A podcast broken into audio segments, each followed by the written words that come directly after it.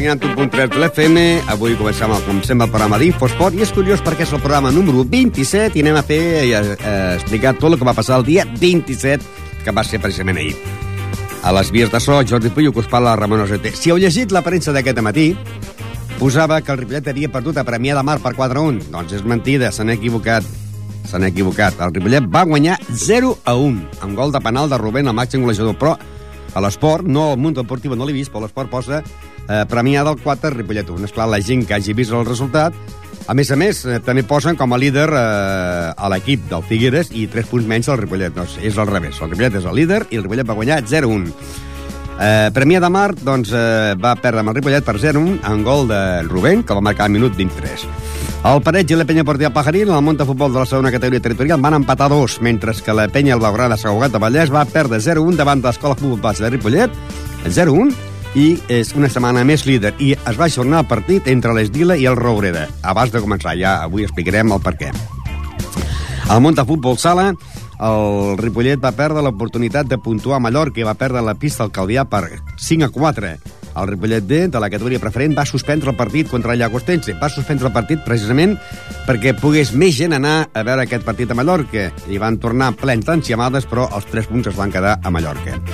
Pel que fa al futbol sala femení, Castelldefels 2, Can Clos 7 i a la primera divisió femenina, arrel el 5, Can Clos B1. En el món del bàsquet, derrota aquesta setmana dels tres equips de casa. El Ripollet va perdre contra el Club Valls de Tarragona per 72 a 83. La Bellgasó va perdre davant del Sant Vicenç per 56 a 60. Partit que es va disputar, tots dos, en el pavelló Francesc Berneda, el mateix que el femení Ripollet, perquè perquè el pavelló durant tot el diumenge hi havia doncs, competició de patinatge artístic. Uh, com dèiem, la Bellgasó va perdre davant del Sant Vicenç per 56 a 60, el femení Ripollet va perdre a casa contra el Roquetes 34 a 70, en el món del hockey, el Ripollet va golejar el Perpetuem per 8 a 3 i en el món del handball, el Ripollet va perdre davant la Gramunt per 23 a 26. En el món del tenis taula, l'únic partit que es va jugar va ser el Finca Ripollet que va perdre Santiago de Compostela per 4 a 2 i amb aquest resultat ha quedat quart a la Lliga i acaba acabar aquest cap de setmana. I en el món de la boxa, que es va disputar el divendres, el combat entre José María Guerrero i Blas Miguel Martínez de Madrid doncs, eh, va guanyar eh, José María Guerrero en el segon assalt per descalificació del boxejador Blas Miguel Martínez. Per que fa els boxejadors de Ripollet, Gil doncs, eh, no va poder boxejar, estava lesionat abans de començar, i eh, Mohamed Igrisi va perdre els punts, mentre que Bartovil, també de, del Club Boxeo Ripollet, eh, va ser combat nul. I direm, doncs, a repassar els resultats d'aquest cap de setmana de la jornada número 26 de la categoria preferent, on tenim un Adia, que va empatar a casa davant de Garronyers amb una pata 0, el Tona, que va perdre a casa davant del Turó la Peina per 0-2, Horta 3, Mollet 1, Figueres 1, Banyoles 0, Palafrugell 0, Farners 3, Mataró, eh, Gironella, doncs ja sabeu que es va retirar Mataró, són 3 punts pel Gironella, 0-3, eh, i que el Manresa i el Casal se la van empatar a 0. Es va suspendre el partit entre el, entre el Canyelles i el Palau de Plegamàs i el Premià del eh, que va jugar contra el Ripollet va guanyar el Ripollet 0-1 gol de eh, Rubén de penal.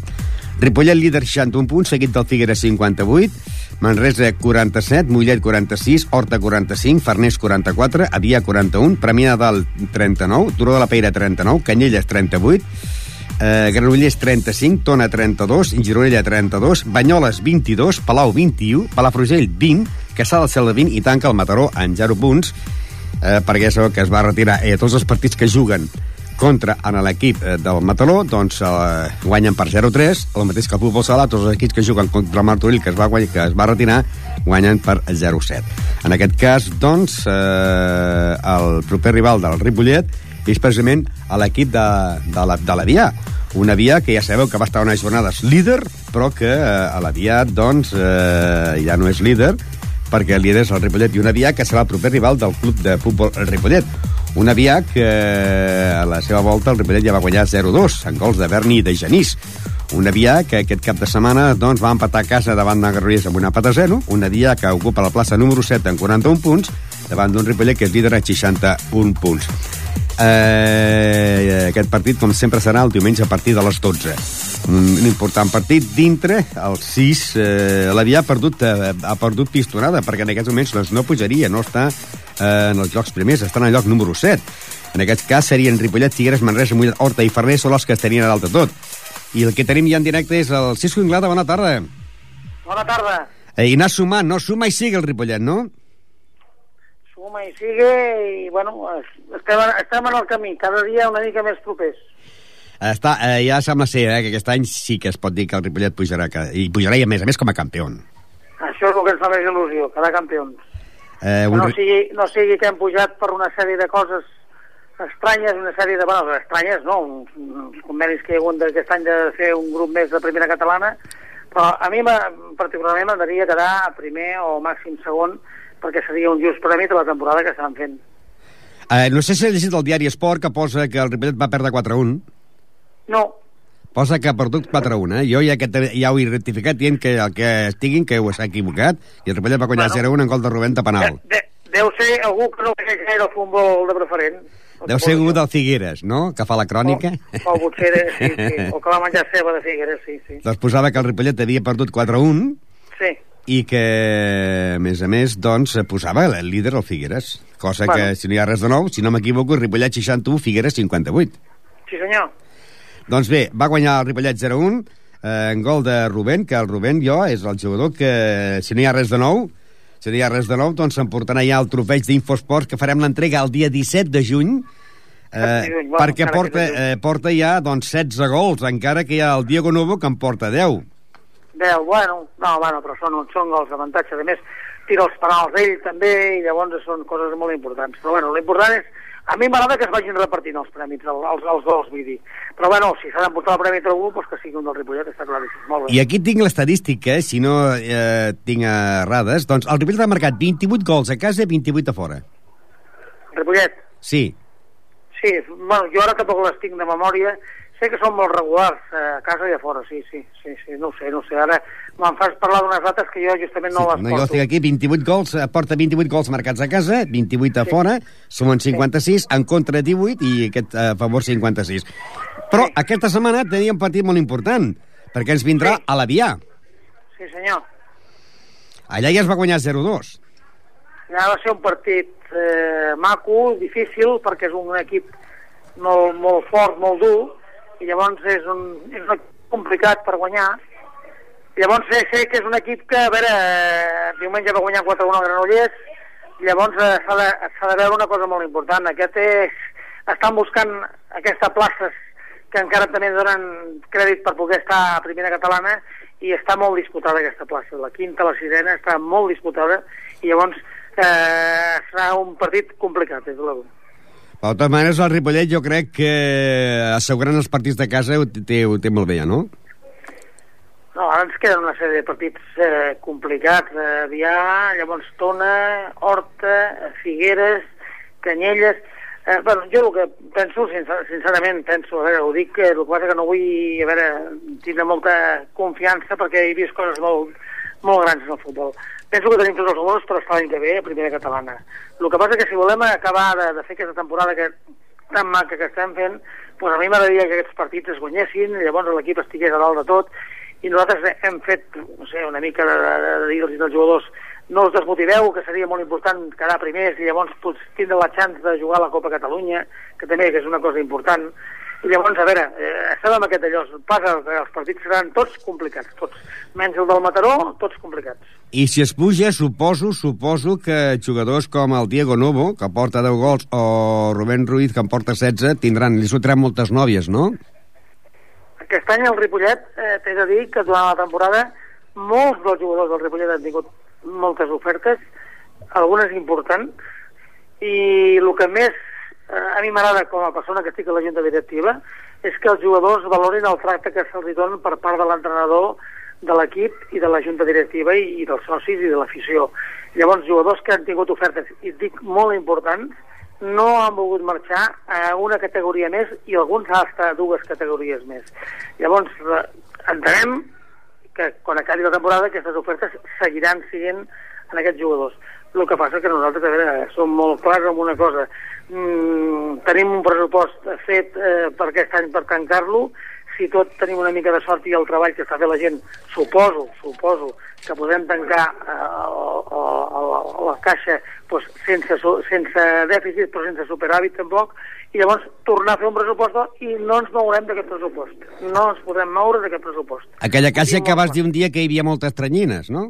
Sí, però cada dia ens les treuen perquè com ens venen a robar cada 15 dies ara, ja s'emporten hasta les tranyines, vull dir, ens netegen la caixa i s'emporten les tranyines. Perquè no? Que ja van entrar a robar al bar, però també en les oficines del Ripollet. No, no, mira, jo estic a les oficines sense portes, estem sense res, vull dir, ja són clients habituals d'aquí, destrossen, se'n van i s'emporten la poca misèria que hi ha, però bueno, a nosaltres si s'emporten doncs, eh, del, del club se'n van emportar la televisió, de, de, del bar, se'n van emportar una sèrie de coses que són valor important per nosaltres i llavors si són 300 o 350 euros a nosaltres ens costa molt de fer-los generar aquests 350 euros cada setmana perquè la porten ni els fem a vegades, m'entens? O sigui que el, los cacos van, van fer l'agost el mes de març, perquè van atracar el bar, les oficines del Ripollet i el Patronat Municipal d'Esports.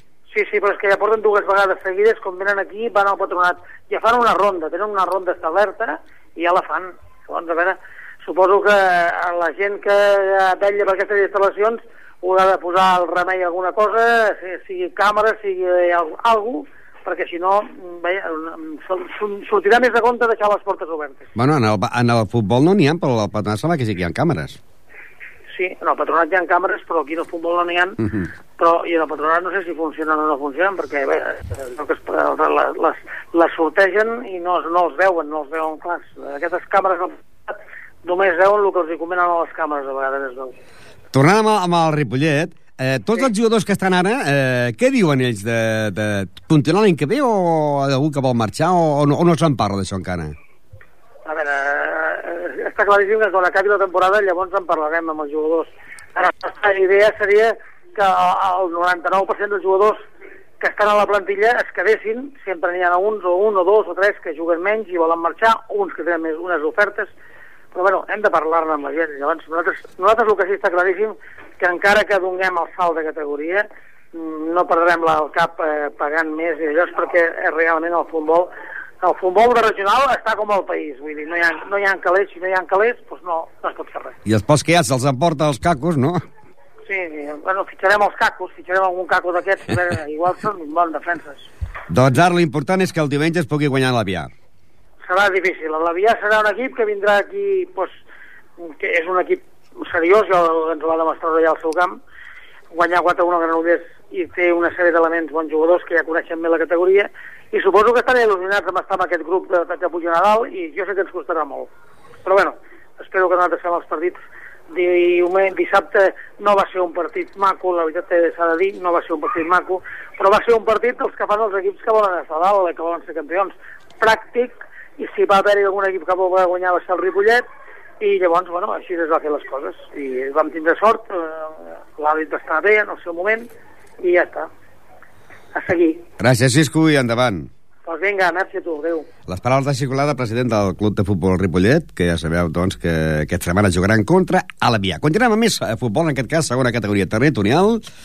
L'Ametlla 1, Sabadellenca 1, Pi3 0, Lliçà de Vall 1, la Torreta 1, Cardedeu 3, Vilamajor 2, Santa Eulàlia 2, Montcada, Sant Joan de Montcada 3, Sant Esteve 2, Vallès eh, 1, Palau Tordera 0, Martorelles 2, Montmeló 1, Serranyola eh, B, 1, Bellavista 2 i eh, Parets 2, Penya Partida Pajaril 2. Líder Lliçà de Vall, 55 punts, seguit del Sabadellenc amb 51, la Torreta 48, Bellavista 47, Cardedeu 46, Cerdanyola B i Santa Eulàlia 44, Montmeló 41, Sant Joan 35, Vilamajor 34, Atlètic Vallès 33, Penya Partida Pajaril eh, 31, Palau Todera 29, Pitres 28, Martorelles 28, l'Ametlla 22, Sant Esteve 22 i tanca precisament el Parets en el lloc número 18 amb 10 punts.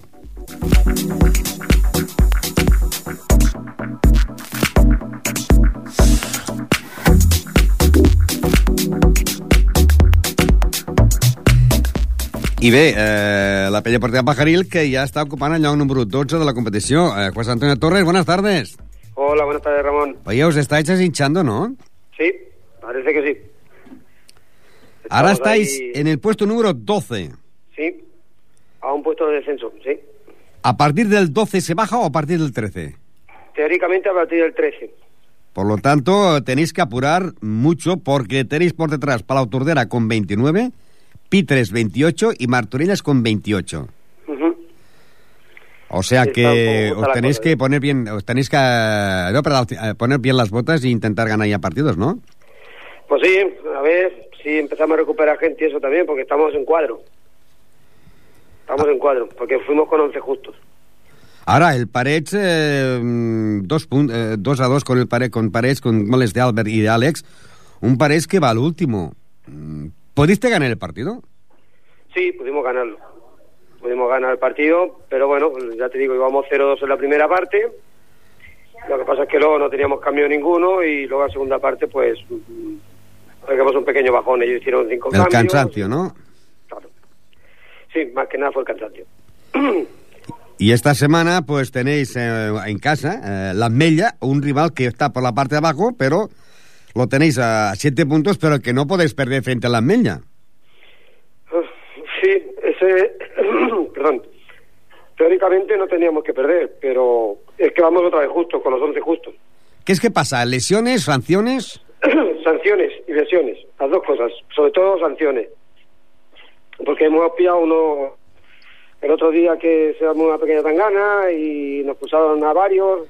Esta semana recuperamos a tres, pero ahora hay dos que cumplen ciclo también. Nuestras ya no cumplen ciclo. En fin, volvemos a estar en la misma esta semana. Ya para la otra semana recuperamos a cuatro. Pero para esta semana lo tenéis difícil en cuanto a jugadores. Sí, once. 11 justos. Mm. Es una lástima, ¿no? Porque hay una categoría donde se pueden hacer cinco cambios que no los podéis hacer, ¿no? Claro, por eso digo que, que vamos con lo justito. Ahora ya la semana que viene recuperaremos a cuatro. Pero esta semana hay que pasarlo como sea. Esto hay que ganar el partido como sea para poder empezar a estar un poquito tranquilitos. También es cierto que todos los que están detrás y, y algunos de los que están delante se tienen que enfrentar a todos los de arriba, que nosotros ya no hemos enfrentado a todos. Mira, se enfrentarían Bellavista Parets, Sabadellenca Pitres, Lliçà de Vall La Torreta, Cardeu Vilamajor, Sant Eulàlia Montcada, Sant Esteve Vallès, Palau Todera Martorelles, eh, Montmeló Sardanyola y Pe eh, Peña Perdida Pajaril l'Ametlla. Ya te digo que todos estos que están con nosotros, tanto los dos tres que están por delante nuestro como los, o sea, de los de para atrás, mm, la mayoría tiene que enfrentarse a, a los cinco primeros, seis primeros, mientras que nosotros ya no hemos enfrentado a ellos. El partido será este sábado a las 6 de la tarde, ¿no? Sí, sí, a las seis, como siempre, en casa a las seis de la tarde. Y el sobre aquel partido aplazado que tenéis del Día del Agua, ¿cuándo se va a jugar? ¿Lo sabéis o no? Sí, mm, eh, si no hay nada de extraño, jugaremos el día 28 de abril. Día 28 de abril, que sería frente a la Sabadellenca, ¿no?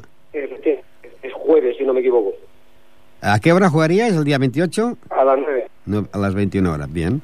Hombre, también serían tres puntos importantísimos y aquí casi se puede decir que, que vas a tener ya todo el plantillo de jugadores, ¿no?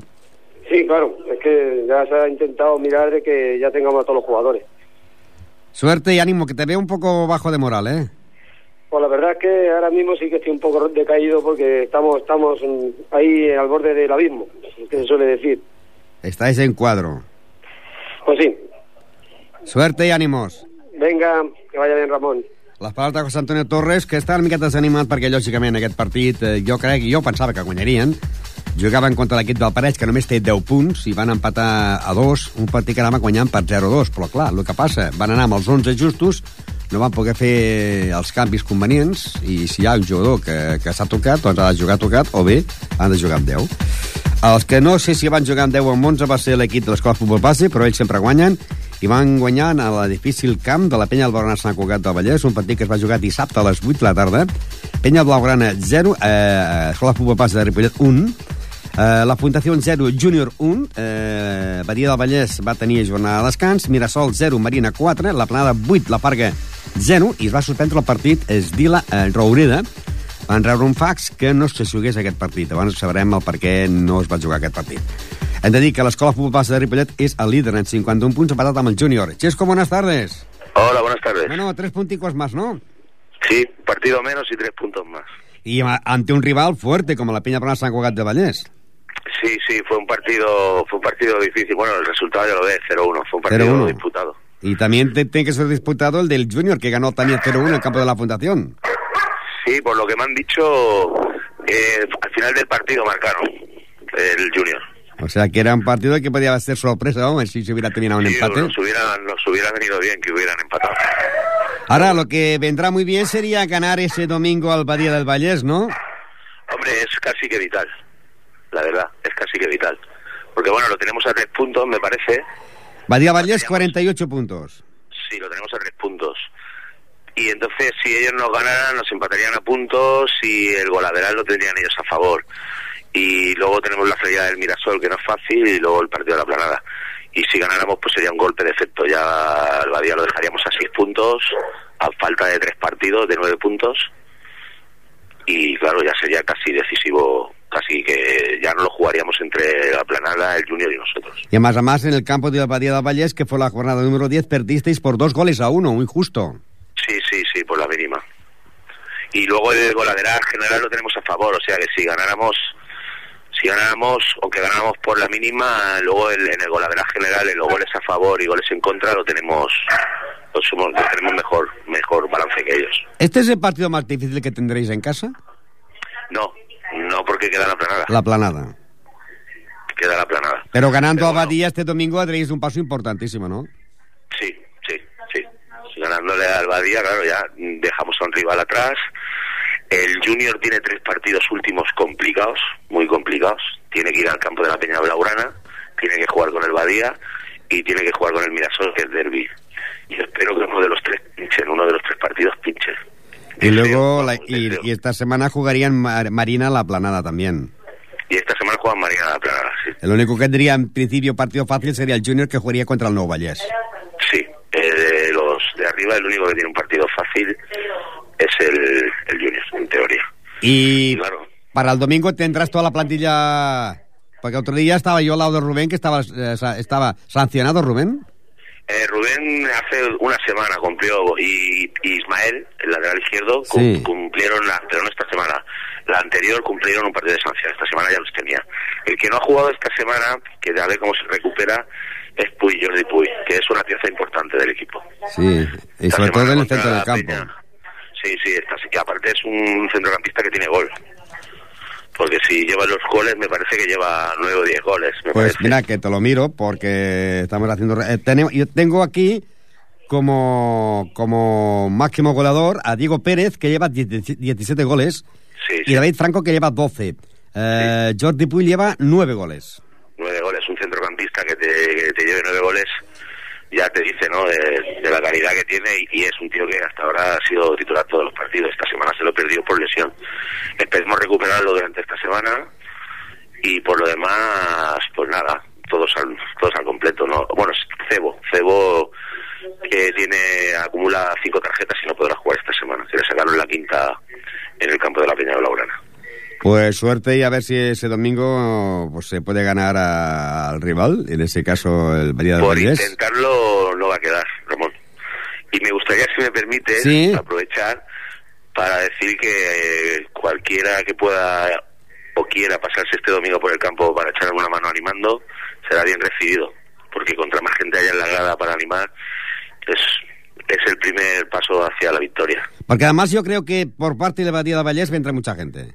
Ellos traerán también gente. Por eso te digo que, aprovechando que ahora estoy hablando contigo, para que cualquiera que quiera subir este domingo para ver un buen partido de fútbol y quiera animar a los chavales de aquí del pueblo, porque te recuerdo que el 90% de los jugadores míos son de aquí del pueblo, que venga a echarnos una mano porque ellos traerán gente también y es importante que la grada empuje un poquito. Y la más a más, eh, la entrada gratis del partido será a las 12 de la mañana. Sí, sí, la entrada es gratis y el partido es a las 12. Gràcies. Pues venga, muchas gracias, Ramón. Les paraules de Xesco, entrenador de l'equip de l'Escola Passa de Ripollet. Com dèiem, líder, l'Escola Passa de Ripollet, 51 punts, júnior 51, la plana de 49, Badia del Vallès, proper rival, en té 48, Mirasol i Pella el Blaugrana 40, Marina 38, Roureda 33, la Farga 28, la Unió Salut s'ha retirat, té 13 punts, la Fundació 13, Can Colapi 10, Nou Vallès 9 i tanca l'equip de l'Estila amb 5 punts.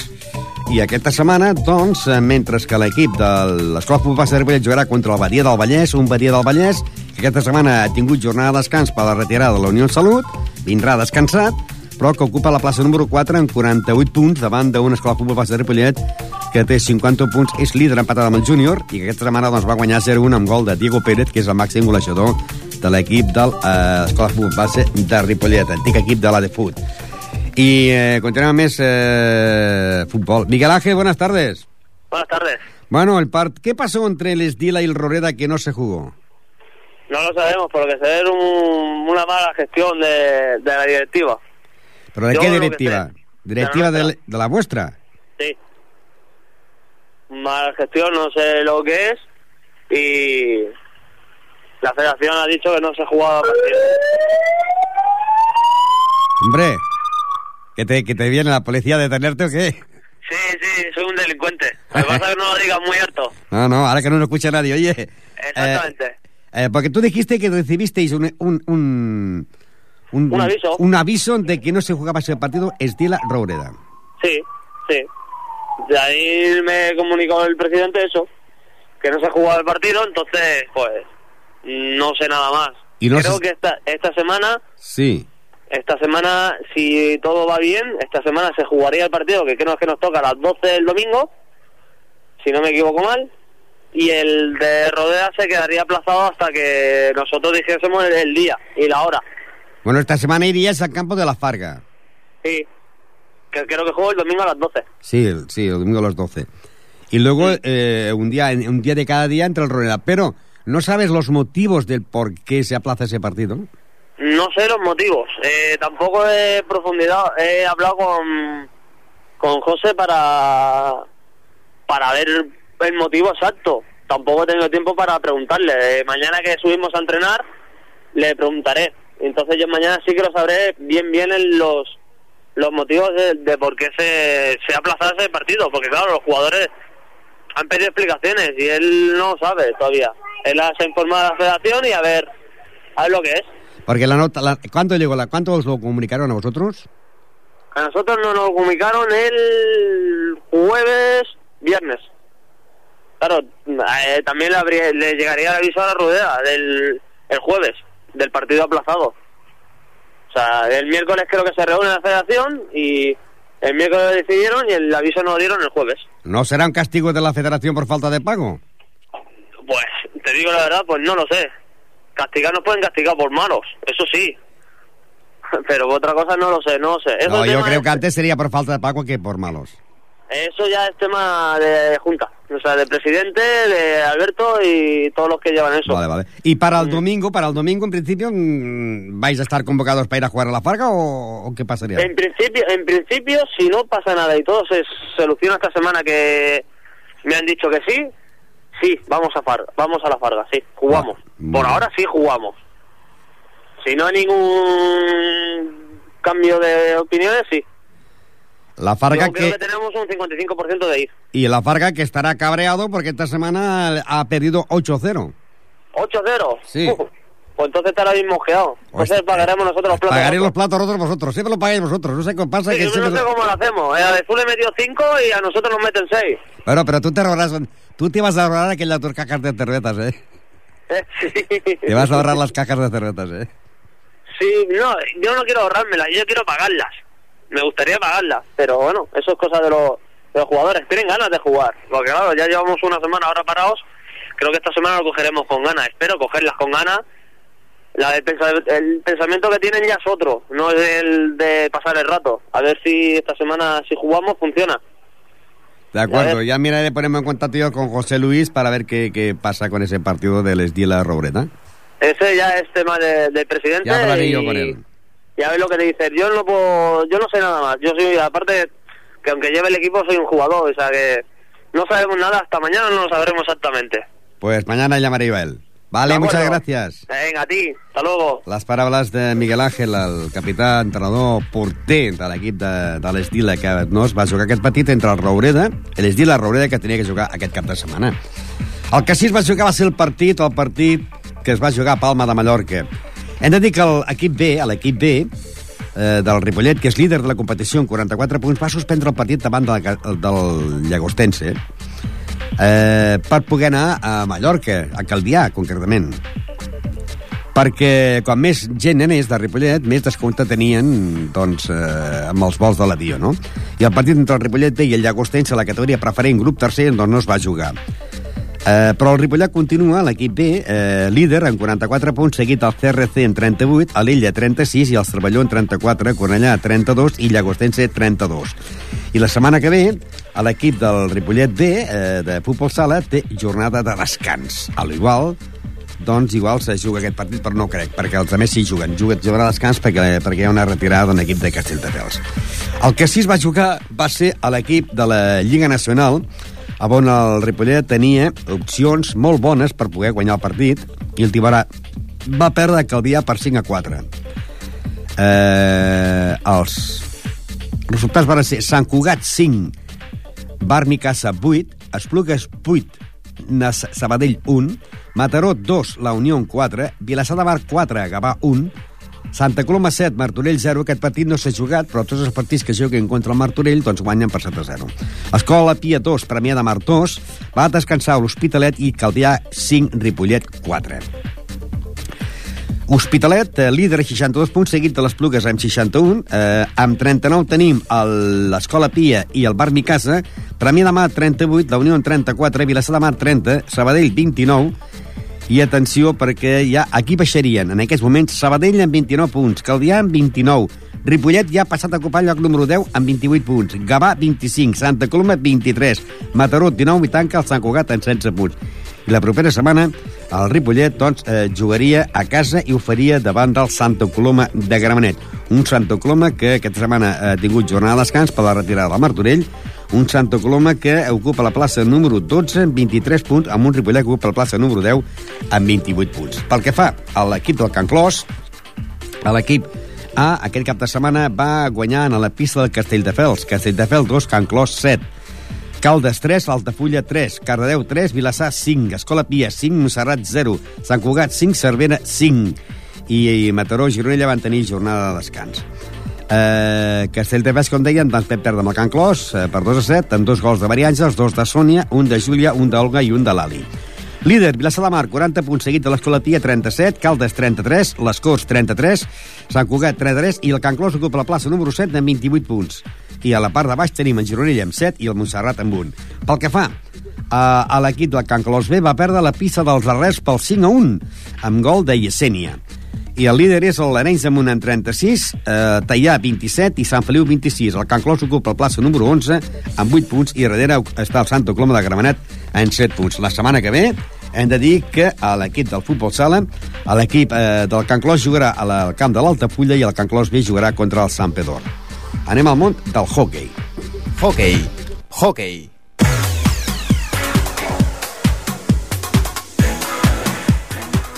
I a la món del hockey, a la jugada número 22, es van produir aquests resultats. Arenys 1, Canet 7, Vilassar 6, Riudevilles 4, Congrés 7, Castellà 3, Bartino 5, Premià 7, Centella 5, Voltregà 9, Corbera 4, Cornellà 5 i Ripollet 8, Perpetuenc 3 amb 4 gols de Gerard Aran, que és la màxim golejador del club de hockey Ripollet.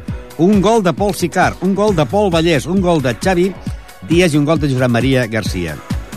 Líder, Vilassar de Mar, 59, seguit del Riu de Villes en 53.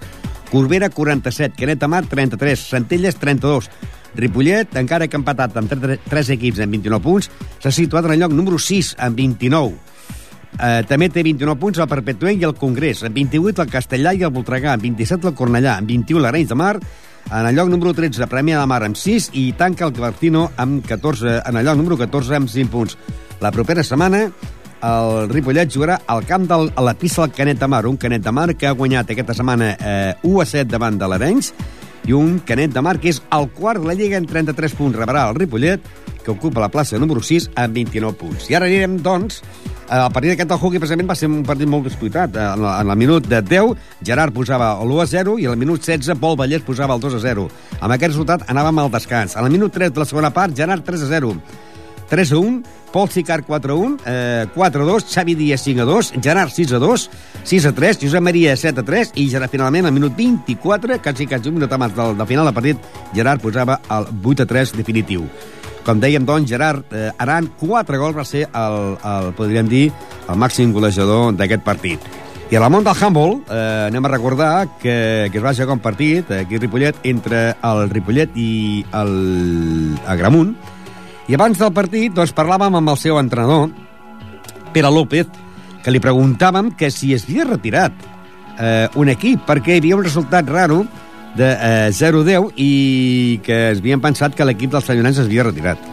Bueno, retira o que no s'han presentat, una de dues, és el que ha pogut passar, però vaja, en principi no em consta que s'hagin retirat. Sé que va, el Sant Llorenç, per exemple, fa 15 dies que em van venir aquí, van venir molt justos de gent, però no em consta en principi que s'hagin retirat. Anaven justos de gent, per això, eh? aquí portaven tan sols un canvi, em sembla, i sé que han tingut diversos problemes per alguns camps i pot ser que a lo millor amb algun amb algun desplaçament lluny no s'hagin presentat. Llavors és 0-10, sí, sí. I em va estranyar molt, eh, una, els pocs gols, 10, i l'altre 0 també em va estranyar molt. No, no, això és que no s'han presentat, aviam, no s'han presentat. No s'han presentat o s'han retirat, però vaja, no sé, en principi ja dic no em consta, però que no s'hauran presentat el desplaçament que els hi tocava, segur. El Sant Llorenç que anava l'últim. Sí, sí, va l'últim, va l'últim, sí, sí. No passa res, perquè no pots dir que el Ripollet, però vull dir, el Ripollet està per davant de l'Igualada, que és penúltim, i avui jugar contra l'Agramunt, partit difícil, no? Sí, sí, sí, partit difícil. L'Agramunt, si no recordo malament, està entre les cinc primeres places. A veure, avui em consta que venen amb baixes. Bueno, no sé, aviam, nosaltres és que el problema que tenim és el tema de la carència de gent, som molt poqueta gent. L'altre dia vam estar al camp de l'OAR eh, jugant amb set sèniors i dos juvenils i vam estar a punt de donar la campanada, vam fer una molt bona primera part, una segona part que ja no es va aguantar i, i avui, doncs, bueno, a priori, doncs, mm, sí, calculem. Possiblement el factor pista nostra, el fet de que potser a l'Agramunt no vinguin tots, eh, faci que, que hi hagi un resultat més just que no el que va haver-hi allà. Ja van haver-hi situacions molt atípiques, no? Vull dir, un arbitratge una miqueta estrany, eh, una lesió important com va ser la del Llosso, Vull dir, a veure, vam tenir un ambient una miqueta hostil, vull dir que la cosa es va trencar una miqueta en allà i a la Gran Mont va sortir a tope, va sortir a tope, va fer-ho bé, no ens hem pas d'enganyar, va fer-ho bé, va, haguéssim perdut el partit igualment, vale? però van haver-hi pues, moltes coses externes que van influir. Avui espero que això no passi, veurem aviam. I la setmana que ve, un, una pista difícil. El Sant Miquel, que ara aquesta setmana és el líder. Sí, sí, sí, sí, però el Sant Miquel, per exemple, és que estan havent-hi resultats molt raros, perquè, per exemple, el Sant Miquel va ser capaç de perdre el camp de l'Igualada i a casa amb l'Igualada. Vull dir, l'Igualada és un equip que nosaltres aquí el vam guanyar bé. A l'Igualada m'imagino que a casa, vull dir, deu anar més reforçat. Bueno, no entenc, no sé. Però, bueno, fa resultats també molt raros. A priori sí, és un dels equips que a mi més em va agradar de la categoria. Un equip jove, un equip que corre, un equip alt, vull dir, bueno, en principi sí, sí, sí. Els canvis, perquè hi ha hagut diversos canvis de, de liderat, entre el Parc d'Inyes, que si la Gramunt, que si el Sants, i sembla que no s'acaba de decidir qui pot ser el campió. Pot ser que perquè cap diumenge o cap dissabte presenten els jugadors que, que haurien de jugar? Sí, sí, sí, pot ser, pot ser, pot ser, perquè principalment els equips que venen de fora aquests són els equips que, que quan venen, venen, venen amb, amb carències de gent. I m'imagino pues, que, bueno, que, que els equips de Barcelona, quan anem a, quan, a de la província, vaja, quan anem a fora, m'imagino que també es deuen trobar amb aquestes carències de gent, perquè si no no s'entén aquests resultats tan raros, no? De, de, un perd amb l'altre, l'altre, vull dir... És com el que et deia, no? És com veure el Sant Miquel com perd amb el, amb el d'això, amb l'Igualada, no té cap sentit. Però en canvi ha sigut així, vull dir... Quan acabi la Lliga hi ha la Copa com altres anys o ja s'acaba la Lliga? No, seguirem, seguirem amb la Copa, sí, sí, sí, sí.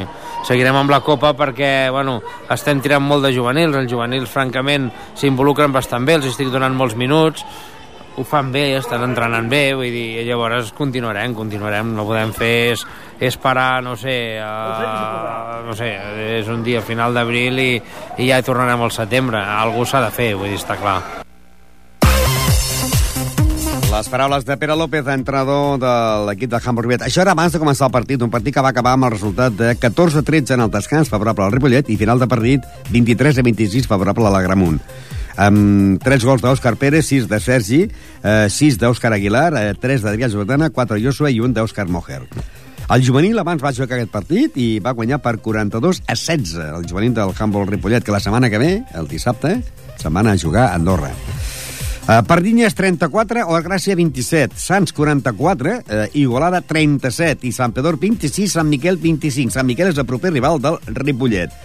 Líder Pardinyes, 26 punts seguit el Sant Pedor amb 25, Sant Miquel 24, Sants 23, Serranyola 20, Agramunt 19, Sant Quirze 16, Sanot 14, Auar Gràcia 10, Ripollet ocupa plaça número 10 amb 8 punts, per a l'Igualada en té 7 i tanca el Sant Llorenç amb 0 punts. I la propera setmana el Ripollet jugarà al camp del Sant Miquel, un Sant Miquel que aquesta setmana ha perdut per 26 a 25 i un Sant Miquel que ara és tercer amb 24 punts. Perquè fa el món del tenis taula, hem de dir que aquesta setmana eh, ha acabat la Lliga Televisió d'Honor Femenina i ha acabat, doncs, amb aquests resultats. Helios de Saragossa, 3, Sant Sebastián, 4. Calella, 3, Casa Astúries de León, 4. Santa Eulària Divisa, 5, Falcón Sabadell, 1. Bàsquer de Girona, 4, Casa Astúries de León, 2, i Ardeal de Santiago de Compostela, 4, Finca Ripollet, 2. Els dos punts els va fer un a Mijaela Chirita i l'altre Cristina Pico. Campió, l'Atlètic Sant Sebastià en 30 punts, seguit el Santiago de Compostela en 28. Santa Eulàlia Divisa, tercer en 22, i el Finca Ripollet ha quedat quart a la Lliga en 22 punts. Avilés, cinquè amb 20, Calella, 16, Basca de Girona, 16, Falcons de Sabadell, 14, Casa Astúries de León, 10, i tanca eh, a la lloc número 10 a l'Helios de Saragossa solament amb 4 punts. Ara caldrà esperar les fases d'ascens, perquè també va acabar la Lliga de la primera nacional femenina amb el Finca Ripollet que ha quedat tercer amb 18 punts davant d'un Caçà del Selva que és el líder i segon el Balaguer amb 20 punts. Eh, També ara hi haurà les fases per pujar de categoria, uns per pujar a la Superdivisió i els altres per la pujar a la Divisió d'Honor. És el cas del tenis de Ripollet, masculí el Ripollet Verdolai, que tindran que jugar el dia 17 i 18 d'abril i el 23 i 24 o a Vic o a Calella contra el Santiago Saragossa, contra el CAI Santiago de Saragossa, Falcons de Sabadell, Vic, Calella, Ripollet, Verdolai, Olot, Igualada i Palma de Mallorca a veure qui puja a la divisió d'honor eh, masculina. Això serà els dies 17 i 18 d'abril i 23 i 24 també del mes d'abril, fase per pujar a la divisió d'honor. Anem ara al món del bàsquet. El Club Bàsquet Ripollet, que aquest cap de setmana va tornar a perdre aquí a casa davant de l'equip del Valls, un equip que va venir Ripollet com a segon classificat. Eh, Ripollet 72, Valls 83.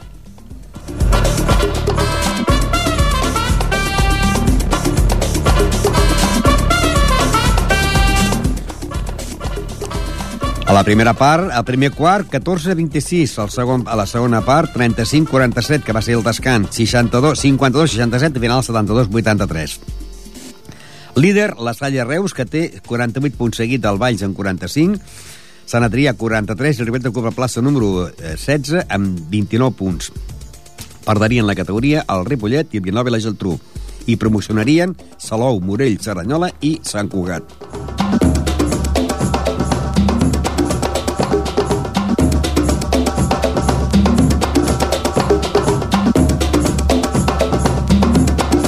I el proper partit del Ripollet jugaria al camp del Tarragona. Seria el proper dissabte a partir de les dos quarts de set de la tarda, Tarragona-Ripollet. Un Tarragona que aquesta setmana ha perdut a la pista de l'Esferi de Terrassa eh, per 65 a 58. El, el Tarragona ocupa la plaça número 9 amb 38 punts. Serà el rival del Ripollet la primera setmana.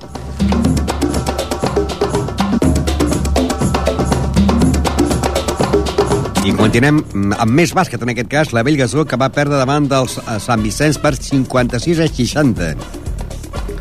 Un Sant Vicenç que ocupa la plaça número 7 amb 37 punts. El líder és el Martorelles. I la propera setmana jugarà a la pista del Montigalà Badalona. Un Montigalà Badalona que ha perdut, que va guanyar a la pista el Samarat per 57 a 72.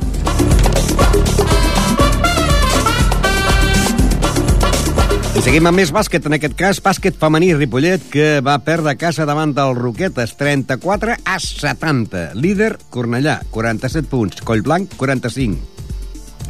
I el bàsquet femení Ripollet ocupa la plaça número 13 amb 27 punts. I la propera setmana jugarà a la pista del Matadepera. Un Matadepera que aquesta setmana ha eh, guanyat en la pista de l'Esparreguera per 35 a 49. Un Matadepera que ocupa la plaça número 9 amb 31 punts. Per què fa? al món del tennis aquest cap de setmana el Club Tenis Ripollet ha tingut jornada de descans als dos equips tant a l'equip que juga a la categoria de segona divisió per jugadors de més de 18 anys, com també descans per l'equip de la primera divisió perquè per jugadors de més de 40 anys. I el plat fort d'aquesta setmana ha sigut el boxeo. Bueno, també sabeu que la Volta Ciclista de Catalunya va passar per Ripollet, Va passar pel cantó de Cernyana, pels quatre cantons, per la carretera antiga del Pont Vell, el dissabte, a la tarda, i el, ahir al matí va passar mm, venint de Parets de Vallès i de Mollet per la carretera de, de Barrantinyo, pel, pel pont que passa per l'autopista per on hi ha els Mossos d'Esquadra. Era la, la última etapa. Però també va haver el divendres un combat de boxa i que hi havia José María Guerrero de Ripollet amb Blas Miguel Martínez de Madrid. Va guanyar José María Guerrero per descalificació de Blas Miguel Martínez en el tercer assalt. Hem de dir que li va fer un cop que li va partir la cella. Anem a recordar les paraules... Eh, primerament, anem a recordar les paraules del seu preparador, Julián Cabeza. ¿Cómo has visto a los amates? Bueno, los míos un poquito flojitos. Porque la- lo- yo el resto no lo he visto, porque como estoy con Guerrero en el vestuario, pero vamos, el mío en particular ese ha sido bastante bueno. Hola. Y, y bueno, el Idris sobre todo, lo he visto, es un chaval que hasta ha tenido un poquito de resfriado y ha estado un poquillo a medio entrenar y lo ha acusado, lo ha acusado. Si hay algún- alguien de un gimnasio diferente al tuyo, ¿cómo funciona? ¿Es como en el fútbol que se puede fichar o, o normalmente se quedan ahí, siguen ahí? De los gimnasios, ficharlos, no, no, lo- lo- los boxeadores por regla general se hacen en los gimnasios. Vale. Yo, por ejemplo, con los chavalitos pequeños, lo voy haciendo hasta que llega la hora de hacer combate. O sea, hay veces algunos que por mediación de trabajo alguna cosa se tienen que desplazar a otro gimnasio, pero siempre previamente nos avisamos un entrenador a otro, oye, que mira, el chaval va para allá o, o se tiene que ir allí, pero Son más fieles entonces. lo normal es que, que cada uno saca lo suyo. sí. Yo Guerrero cogí con 13 años y aquí está conmigo todavía. Sigue contigo. Y hablando de Guerrero, ¿cómo lo has visto?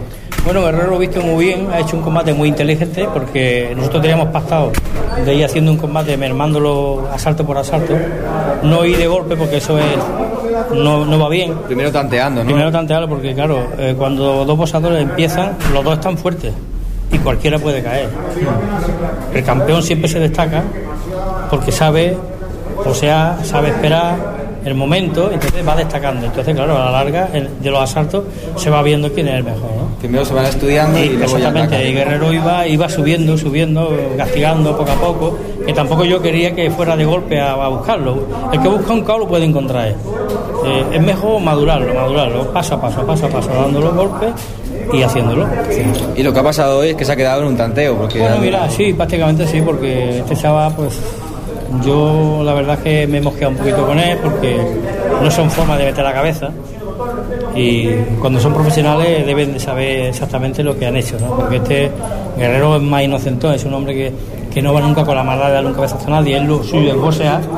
Y este parece ser que diría, aquí cuanto antes acabemos, y lo ha hecho así, ¿no? Curiosamente ha pasado lo mismo que en el otro Sí, bueno, en el otro era un choque de trenes, el otro ha sido porque los dos tienen una forma de boxear muy para adelante. Y entonces, claro, es fácil que se encuentren en una, en una cosa de esta. Nunca gusta ganar así, ¿verdad? No, no. Además, yo un combate que se gana por lesión de otro prácticamente no se puede celebrar siquiera, que no. Y ahora Pero Guerrero lo ha celebrado porque él sabía que iba ganando el combate y tenía unas ganas de, de- de este combate demasiado, ¿no? Porque llevamos 10 asaltos cada día de manopla, entrenándolo muy bien, muy bien, estábamos bien, bien. Y Guerrero es un hombre que a partir del cuarto o quinto asalto es cuando empieza a trabajar bien. Y la verdad es que No lástima que no ha podido llegar. Yo creo que la gente ha disfrutado de lo que ha visto y, y yo espero que la próxima tengamos más suerte porque ha sido mala suerte. Lástima que el título no estaba en juego hoy. ¿Cómo? El título no estaba en juego. Ah, mira, bueno, Que si no. tampoco gusta ganarlo así. Ya, ya. Y el próximo asalto de Guerrero es el Campeonato de Europa, ¿puede ser? Estamos intentando de hacer campeonato de Europa, sí, porque Ya con el trofeo en juego. Sí, sí, con el título en juego. Es que Guerrero tiene, está muy bien rankeado y la verdad es que merece hacer un campeonato de Europa ya. ya. O sea que está- después del bajón que tuvo con aquella lesión Sí, en la vista, no, ahora está en plena forma. No, no, Guerrero hemos cogido otra vez la forma y nos entrenamos bastante muy bien y, y la verdad que está súper preparado. Además lo ha demostrado, ¿no? Que la rapidez, la agilidad que tenía y todo, ¿no? Doncs aquest és el preparador Julián Cabeza, que ens ha parlat de Mohamed Tegrisi, de Bart Ovili i també de José María Guerrero. Ara serà el propi José María Guerrero. ¿Cómo has visto el combate? Hombre, pues lo he visto ahí que eh, mamá me he quedado con la miel en los labios, como aquello que suele decir, porque tercer un cabezazo ahí. Ya, tú que estás acostumbrado a tantear primero y luego atacar, se ha quedado todo en un tanteo solo, ¿no? Esta vez. Pues sí, tenía ganas, estaba bien preparado, tenía ganas de hacer un buen combate y mira, dado un cabezazo y se ha parado la pelea. ¿Te, te gusta el rival? ¿Lo- ¿Ya lo conocías? Lo conocía ya, no lo había visto nunca boxear, pero bueno, era un buen rival y estaba muy empezando, estaba empezando a encontrarme mejor y mira, ha sido una lástima. ¿Y el próximo combate es el de Europa? No sé, ¿Lo quieres vale, intentar? Vamos a ver si me da la oportunidad y después de esta pelea ver cómo sale sé nada. ¿Te ves fuerte para el de Europa? Me veo con ganas, ¿Dónde se haría este campeonato? ¿No se sabe? no se sabe. Pero ojalá fuera, fuera aquí, sería la bomba. ¿Y el gimnasio cómo te va? Ahí vamos, tirando, subsistiendo, como hay que Sí. dice que ya es bastante.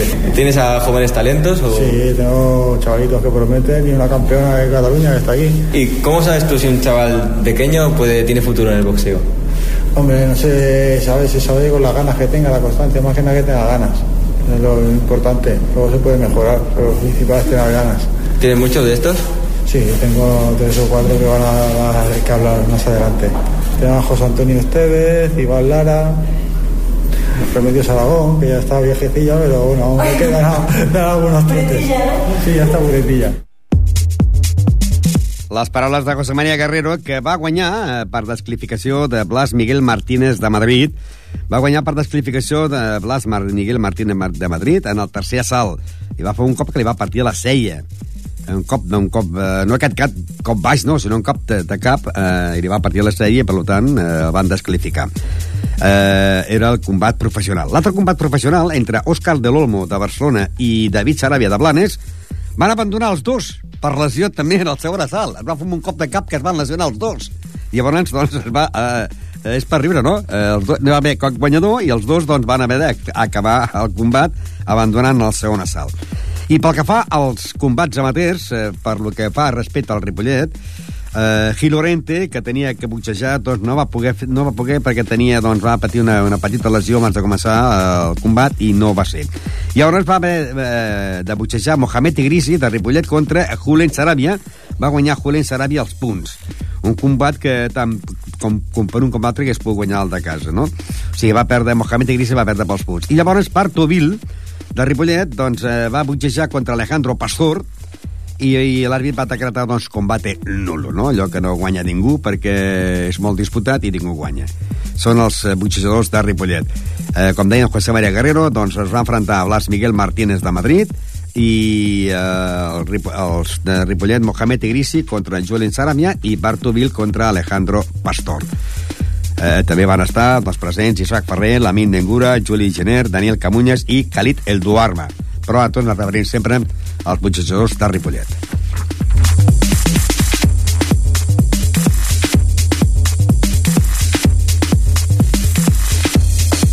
I quasi ja arribem al final del programa. Recordar que eh, aquesta setmana, divendres, tindrem a partir de les 7 el Club Tenis Ripollet. Tindrem el seu president, Fernando Moya, president i jugador de l'equip de jugadors de més de 18 anys, i el gran capità, Antonio Gómez, que és eh, jugador i capità també de l'equip de primera divisió de més de 40 anys. Això serà el divendres que ve. I l'altre divendres tindrem, doncs, els maratonianos, aquesta gent que se'n va fer maratons. Això serà ja divendres que ve. Aquest no, l'altre. Aquest divendres, al Club Tenis Ripollet. Adéu-siau i bona tarda.